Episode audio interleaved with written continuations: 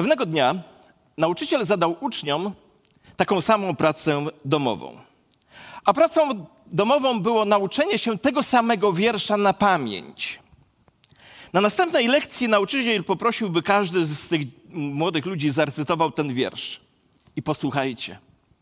Obydwaj wykonali to pięknie, bez pomyłki, bez zarzutów pod każdym względem i z przepięknym artystycznym wykonaniem.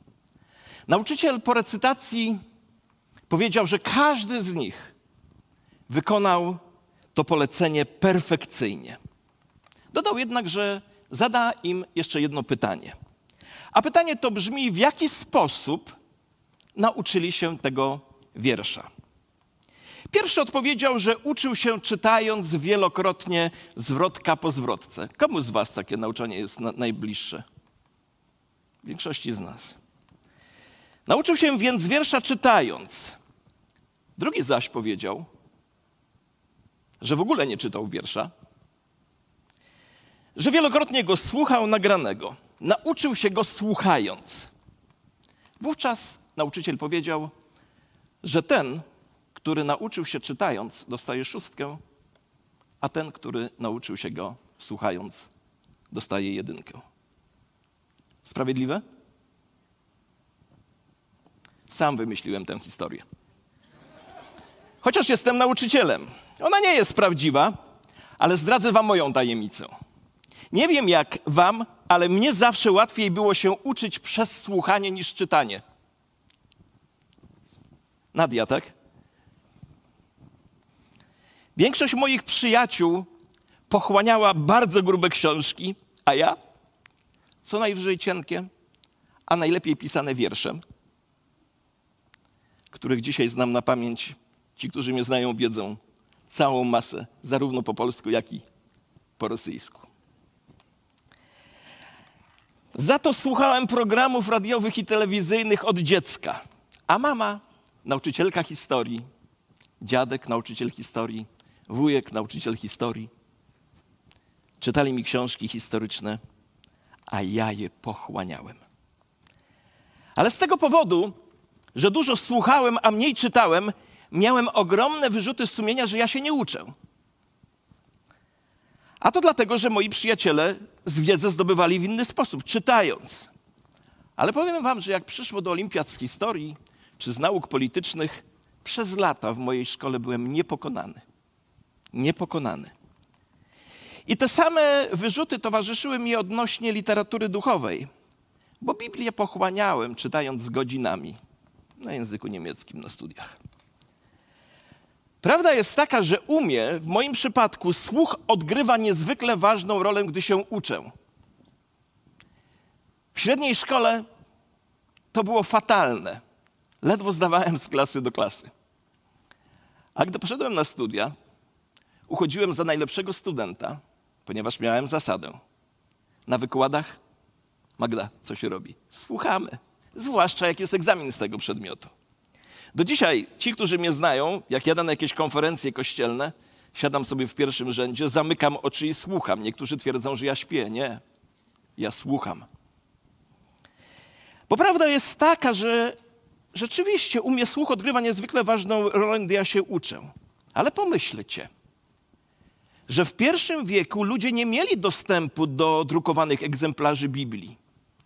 I kiedy Jakub w tym liście, który studiujemy, mówi: bądźcie wykonawcami słowa, a nie tylko słuchaczami, to chcę Wam powiedzieć, ma na myśli dosłownie to, co napisał.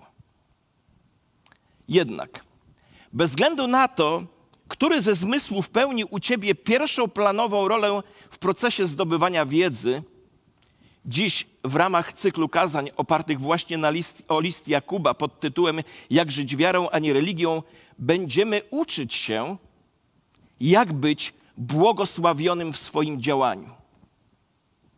I dzisiaj temu poświęcimy czas. Gdybym zadał Wam pytanie, kto z Was chciałby być błogosławiony w każdym swoim działaniu? Błogosławiony przez Boga. Ja też. I we fragmencie, który za chwilę przeczytam, Jakub podaje cztery praktyczne kroki, które gdy zastosujemy w życiu, będziemy doświadczać błogosławieństwa w podejmowanych przez nas działaniach. Posłuchajcie tego fragmentu. Odrzućcie więc wszelką plugawość oraz bezmiar zła i z łagodnością przyjmijcie zaszczepione was słowo, które może zbawić dusze wasze. Bądźcie więc wykonawcami słowa, nie tylko słuchaczami oszukującymi samych siebie. Jeśli bowiem ktoś jest słuchaczem słowa, a nie wykonawcą, podobny jest do człowieka, który przygląda się w lustrze swemu naturalnemu obliczu. Bo przyjrzał się sobie, odszedł i zaraz zapomniał, jakim był.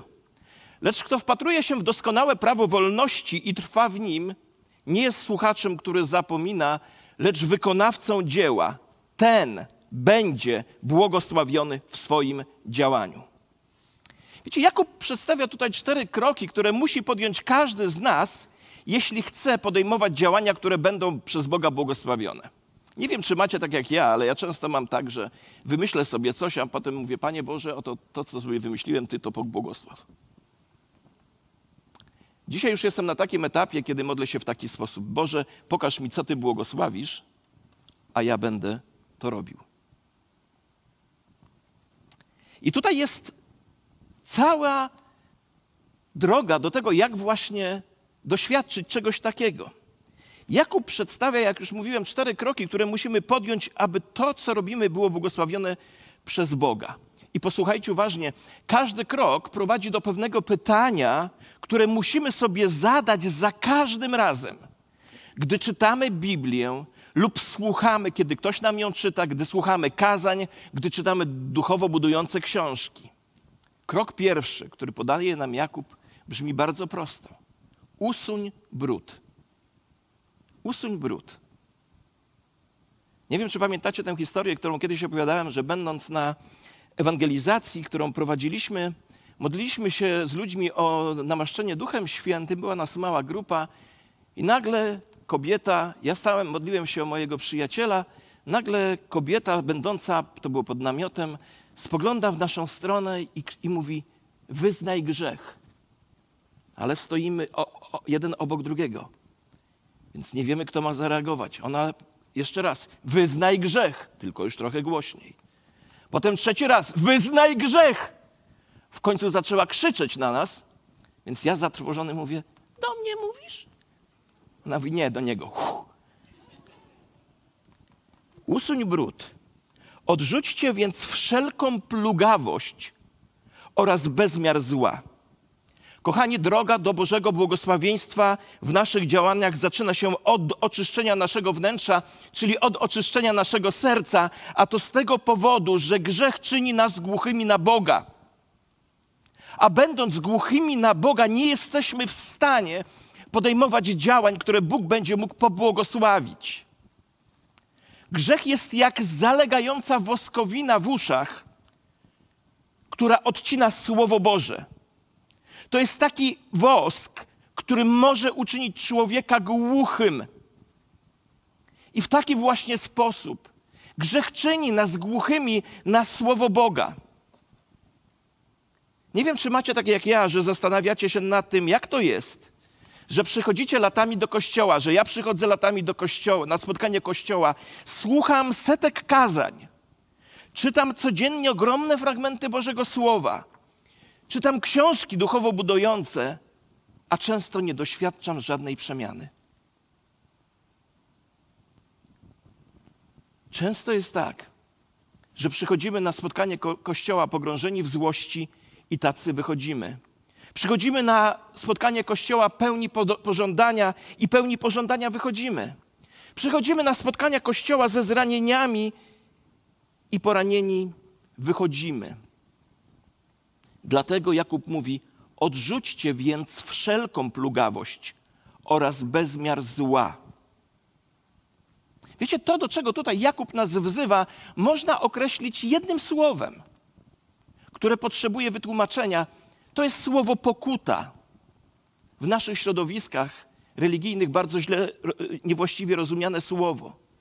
Bo słowo pokuta dosłownie znaczy przemień umysł. Do tej pory myślałeś, że kradzież, plotkowanie, cudzo, cudzołóstwo to jest w porządku. ale dotarło do ciebie z Bożego Słowa, że to jest nie w porządku, zmieniłeś sposób myślenia na temat cudzołóstwa, kradzieży i plotkowania. To jest pokuta. Zmiana sposobu myślenia i odwrócenie się od tego. Ma to związek z, z tym, o czym myślisz. Myślałeś w określony sposób, ale teraz myślisz o tym zupełnie inaczej. To jest pokuta.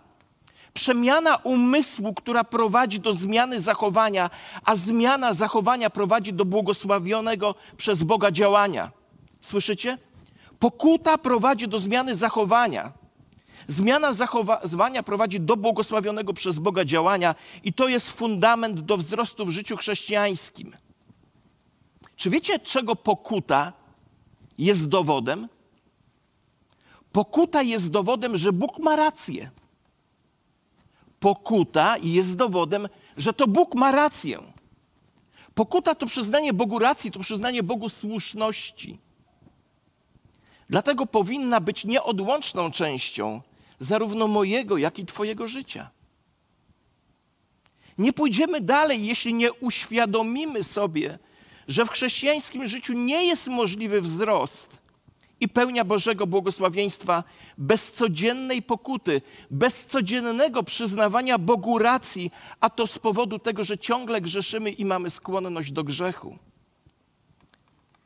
Musimy więc dzisiaj, wiedząc o tym, że pierwszy krok to jest pokuta, zadać sobie osobiste pytanie: czy jestem gotów codziennie pokutować ze swojego grzechu, czyli świadomie odwracać się od niego w ten sposób, przyznając Bogu słuszność, przyznając Bogu rację. Bez pokuty, której elementem jest odwrócenie się od grzechu i przyznanie Bogu racji, nie jesteśmy w stanie uczynić następnego kroku, drugiego kroku prowadzącego nas do błogosławionego przez Boga działania. Czyli nie jesteśmy w stanie przyjąć Bożego Słowa. Bo drugi krok brzmi: przyjmij Boże Słowo. Pierwsze, pokutuj, odwróć się od tego, co niewłaściwe. Drugie, przyjmij Boże Słowo. Z łagodnością przyjmijcie zaszczepione w Was Słowo, które może zbawić Wasze dusze.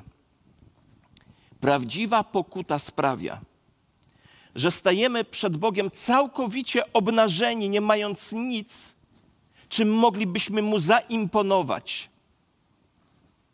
A wszystko to po to, abyśmy mogli otrzymać od niego wybaczenie, uzdrowienie, abyśmy mogli zostać całkowicie przemienieni.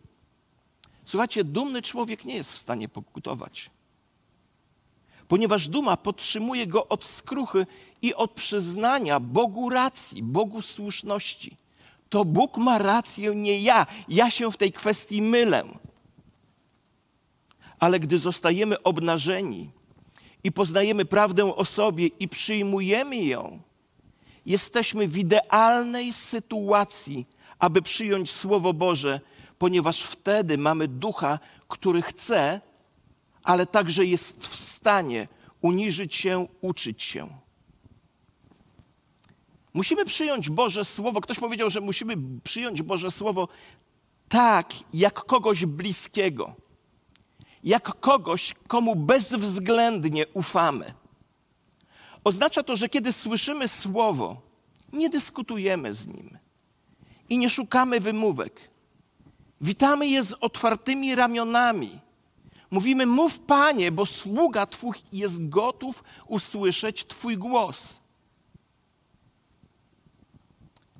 To słowo zaszczepione, które jest tutaj użyte, oznacza ziarno zasiane w ziemi Inaczej mówiąc, kiedy wyrywamy chwasty grzechu, robimy miejsce, aby Słowo Boże mogło w nas wzrastać i wydawać owoc przepięknego, przemienionego, podobnego do Jezusa Chrystusa życia.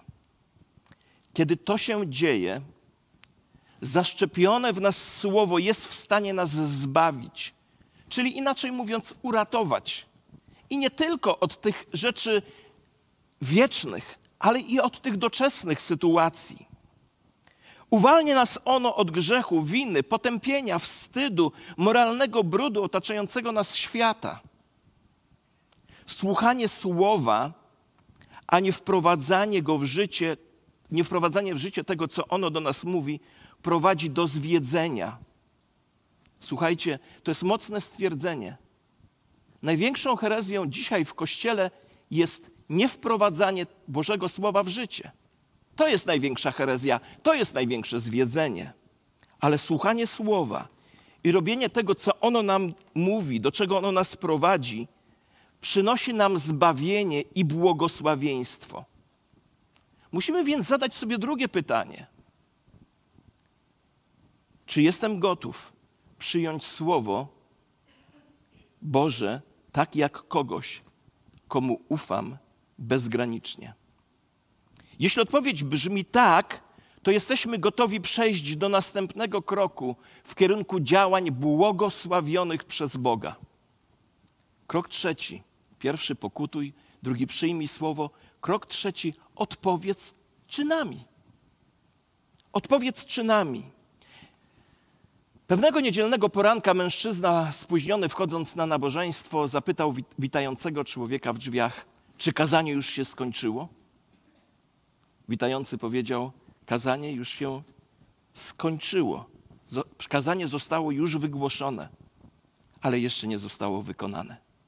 Słyszycie? Kazanie zostało wygłoszone, ale jeszcze nie zostało wykonane. Cóż za przepiękna odpowiedź. Słowo Boże jest przeznaczone nie tylko do głoszenia. Ono ma przyznać być praktykowane. Bądźcie wykonawcami słowa, a nie tylko słuchaczami oszukującymi samych siebie. Wiecie, oszukiwanie innych to jest bardzo zła rzecz. Jednak okłamywanie samych siebie jest straszliwie niebezpieczną rzeczą. Ktoś powiedział, że każde oszustwo zaczyna się od człowieka, którego widzisz w lustrze. Jeśli okłamujesz kogoś innego, czynisz źle, ale przynajmniej zdajesz sobie sprawę z tego, co zrobiłeś. Ale jeśli okłamujesz samego siebie, prawdopodobnie nawet nie jesteś tego świadomy. Dlatego król Dawid w Psalmie 19, w 13 wierszu, posłuchajcie, jaką modlitwę wzniósł do Boga. Boże, kto dostrzeże własne błędy? A potem woła dalej: Oczyść mnie z tych, które są ukryte przede mną. Tylko sam Bóg może nas wybawić, ponieważ tylko On widzi część ukrytą przed naszym własnym spojrzeniem. Jeśli nie konfrontujesz się regularnie ze Słowem Bożym, to się w nie nigdy nie zaangażujesz. I to prowadzi do trzeciego i bardzo trudnego pytania. Czy jestem gotowy, by Bóg mnie napomniał, czy jestem gotowy przyjąć Bożą korektę? Czy jestem gotowy, żeby Bóg mnie skorygował? Ktoś powiedział to tak: czytanie Biblii to jedno, ale czymś zupełnie innym jest, aby pozwolić jej, aby to ona nas czytała. A teraz czwarty krok. Po pokucie, czyli przyznaniu Bogu racji, po przyjęciu Bożego Słowa i decyzji poddania się Mu, czwarty krok w kierunku podejmowania działań błogosławionych przez Boga to brzmi: pamiętaj o prawdzie. Pamiętaj o prawdzie. Słuchacz słowa w przeciwieństwie do wykonawcy przypomina człowieka, który przegląda się w swojej twarzy w lustrze. Przyjrzał się, odszedł i zaraz zapomniał, jak wygląda. Kto natomiast wniknął w doskonałe prawo wolności i trwa w nim, ten nie jest słuchaczem, który zapomina. Jest twórcą dzieła. Tak naprawdę to są dwie rzeczy: twórczość i błogosławieństwo od Boga. Jest twórcą dzieła i w swoim działaniu będzie on szczęśliwy, będzie on błogosławiony. Wiecie, w lustro nie patrzymy tylko po to, żeby od tak sobie spojrzeć. Patrzymy, czy dobrze wyglądamy. A jeśli jest coś niewłaściwego, to poprawiamy, a nie odchodząc, zapominamy o tym, co zobaczyliśmy. Dziś rano miałem taką przygodę tutaj. Poszedłem na chwilę do toalety i nagle zobaczyłem, stojąc w lustrze, że przewody od mojego mikrofonu sterczą mi nad głową i wyglądam, jakbym miał aureolę. Pomyślałem sobie, pomyślicie sobie o mnie, to kim naprawdę nie jestem. Nie ma nade mną żadnego nimbu świętości. Na szczęście ktoś pojawił się, pojawił się Darek i skorygował ten, tę rzecz. Musimy uważnie patrzeć i przyglądać się w Bożej prawdzie. Nie wolno nam zapominać tego, co usłyszeliśmy i zobaczyliśmy. Wiecie, Biblia jest nazwana i Boże prawo jest nazwane doskonałym prawem wolności. Wiecie, nam ludziom trudno jest utożsamiać prawo z wolnością. My nawet uważamy, że prawo ogranicza naszą wolność, mówiąc nam, czego nie wolno nam robić. Tak naprawdę ona nam mówi, co wolno nam robić. I ja też tak myślałem, że prawo ogranicza moją wolność. Do momentu, dopóki nie przyszło mi się zmierzyć z konsekwencjami łamania tegoż prawa. Wtedy zrozumiałem, że Bóg ustanowił te zasady, aby chronić mnie przed moimi grzesznymi impulsami i ich konsekwencjami. Zrozumiałem też, że gdybym się ich trzymał, to naprawdę mógłbym być prawdziwie wolny. To była bolesna lekcja, z której wyciągnąłem wniosek, że człowieka, który przestrzega Bożych zasad, że człowiek, który przestrzega Bożych zasad, doświadcza wolności prawdziwej. A teraz zakończenie. W ciągu całego naszego życia dokonujemy przeróżnych wyborów. A jeden z wyborów najważniejszych to jest wybór między łatwą a trudną drogą w naszym życiu. Tak już jest, że na początku łatwa droga wygląda zachęcająco, ponieważ pozwala nam ona chodzić na skróty, aby dotrzeć tam, gdzie się dotrzeć chce. Trudna droga na początku wydaje być się zniechęcająca, ponieważ wymaga dużej samodyscypliny. Ale potem się okazuje, że w ostatecznym rachunku chodzenie na skróty i naginanie zasad zawsze kosztuje więcej. Ja do dzisiaj mam takie przysłowie, które ktoś mi kiedyś powiedział w sytuacji, w którą sam się, yy, sam nią wszedłem. Kto drogę skraca, ten do domu nie wraca. Droga łatwa później okazuje się trudna, a trudna, ale właściwa, wydaje się najłatwiejszą. I tak jest ze Słowem Bożym. I to prowadzi mnie do końcowego pytania. Czy chcę być posłuszny Bożemu Słowu nawet wtedy, kiedy nie jest to łatwe? I powiem Wam, gdy odpowiedź brzmi tak, to wtedy odkrywam wolność, która staje się błogosławieństwem od Pana Boga. I oto cztery pytania, które powinniśmy zadawać za każdym razem, gdy czytamy lub słuchamy Biblię, gdy czytamy lub słuchamy kazania, gdy chcemy czynić to, co Bóg z radością pobłogosławi. Pytanie pierwsze: czy jestem gotów pokutować i przyznawać Bogu rację? Pytanie drugie: czy jestem gotów przyjąć to Słowo Boże z otwartym sercem? Pytanie trzecie: czy jestem gotów być napominany, skorygowany przez Boga? I pytanie czwarte: czy jestem gotów być posłuszny, nawet jeśli nie jest to łatwe? I oto dobra wiadomość, dobra nowina. Aby zostać zmienionym przez Słowo Boże i czynić dzieła błogosławione przez Boga, nie trzeba mieć jakiejś specjalnej wiedzy. Wystarczy tylko ochotne serce. Dopóki nasze serca nie będą chętne, możemy czytać Biblię rano, w południe, wieczorem i nadal będziemy tacy sami, nie, znajdzie, nie zajdzie w nas najmniejsza zmiana.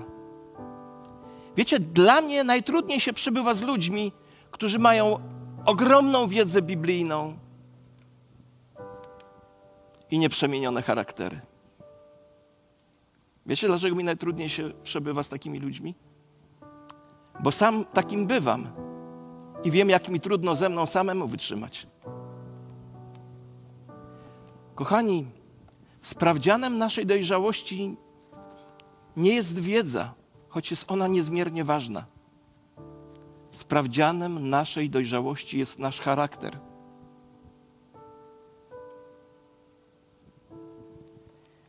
A jeśli chcemy być lepszymi ludźmi, to po prostu potrzebujemy lepszych serc. Kiedy przychodzimy do Jezusa przez wiarę, On daje nam zupełnie nowe serce. A nowe serce popycha nas w kierunku błogosławionych przez Boga czynów. Zobaczcie, każde kazanie, które mówię, kończę tym, że możesz próbować zastosować te wszystkie rzeczy, które mówię, i nie będzie to miało znaczenia, jeśli Chrystus nie zamieszka w Twoim sercu. Bo to On zamieszkując w naszym sercu, dając nam zupełnie serce nowe, popycha nas w kierunku błogosławionych czynów, bo bez Niego nic nie jesteśmy w stanie uczynić. Niektórzy z nas dzisiaj powinni zacząć się modlić: Panie, uczyń moje serce chętnym do zmiany przez Twoje słowo. W rocznicę Czarnobyla tego roku, to będzie w kwietniu, jeśli dobrze pamiętam, minie 35 lat, jak pomodliłem się, Boże, jeśli jesteś, to zmień moje serce. I do dzisiaj, krok za krokiem, jestem beneficjentem tej prostej modlitwy. Módl się taką prostą modlitwą, a potem przygotuj się na zmianę przez Jezusa Twojego serca. Bo zmiana serca prowadzi do błogosławionego przez Boga działania. Przyznajmy więc Bogu słuszność. Przyjmijmy Boże Słowo, odpowiedzmy przez czyny i nie zapominajmy prawdy. Dlatego chcę dzisiaj Was i siebie wezwać. Odrzućmy od siebie wszystko, co jest nieczyste i z troską pielęgnujmy posiane w nas Boże Słowo, które ma moc doprowadzić nasze dusze do finału zbawienia. Również zadbajmy o to, by nie zwodzić samych siebie przez słuchanie Bożego Słowa bez wprowadzania go w czyn. Kto bowiem nie stosuje się do Bożego Słowa, a przestaje jedynie na przysłuchiwaniu się mu, podobny jest do człowieka, który przegląda się w lustrze. Widzi w nim prawdę o swej naturze i osobowości, lecz wcale się nie przejmuje. Odkłada słowo i ruszając do swoich zajęć, zapomina o wszystkim, co Bóg mu pokazał. Kto zaś zgłębia się w Boże Słowo i rozumie, na czym polega dojrzałość wolności, którą daje Chrystus, ten trwając w Słowie, nigdy nie będzie słuchaczem skłonnym do zapominania, gdyż szczęście znajdować będzie dopiero w pełnieniu Bożej woli. Amen. I niech nam Bóg to da. Jeśli potrzebujesz modlitwy, bo to słowo dzisiaj było do ciebie, to daj znać przez podniesienie ręki, bo chciałbym się o ciebie pomodlić. I pomódlcie się i o mnie. Boże, dziękujemy Tobie, że chcesz błogosławić nasze życie. Chcesz byśmy podejmowali działania błogosławione przez Ciebie. Dziękuję Ci, że Chrystus w nas uzdalnia nas do prawdziwej pokuty, uzdalnia nas do przyjęcia Twojego słowa, uzdalnia nas do czynów właściwych i uzdalnia nas do pamiętania tego, co powinniśmy pamiętać. I niech tak się stanie w życiu każdego z nas. Amen. Powstańmy, proszę, jeszcze jedną pieśnią oddajmy Bogu chwałę.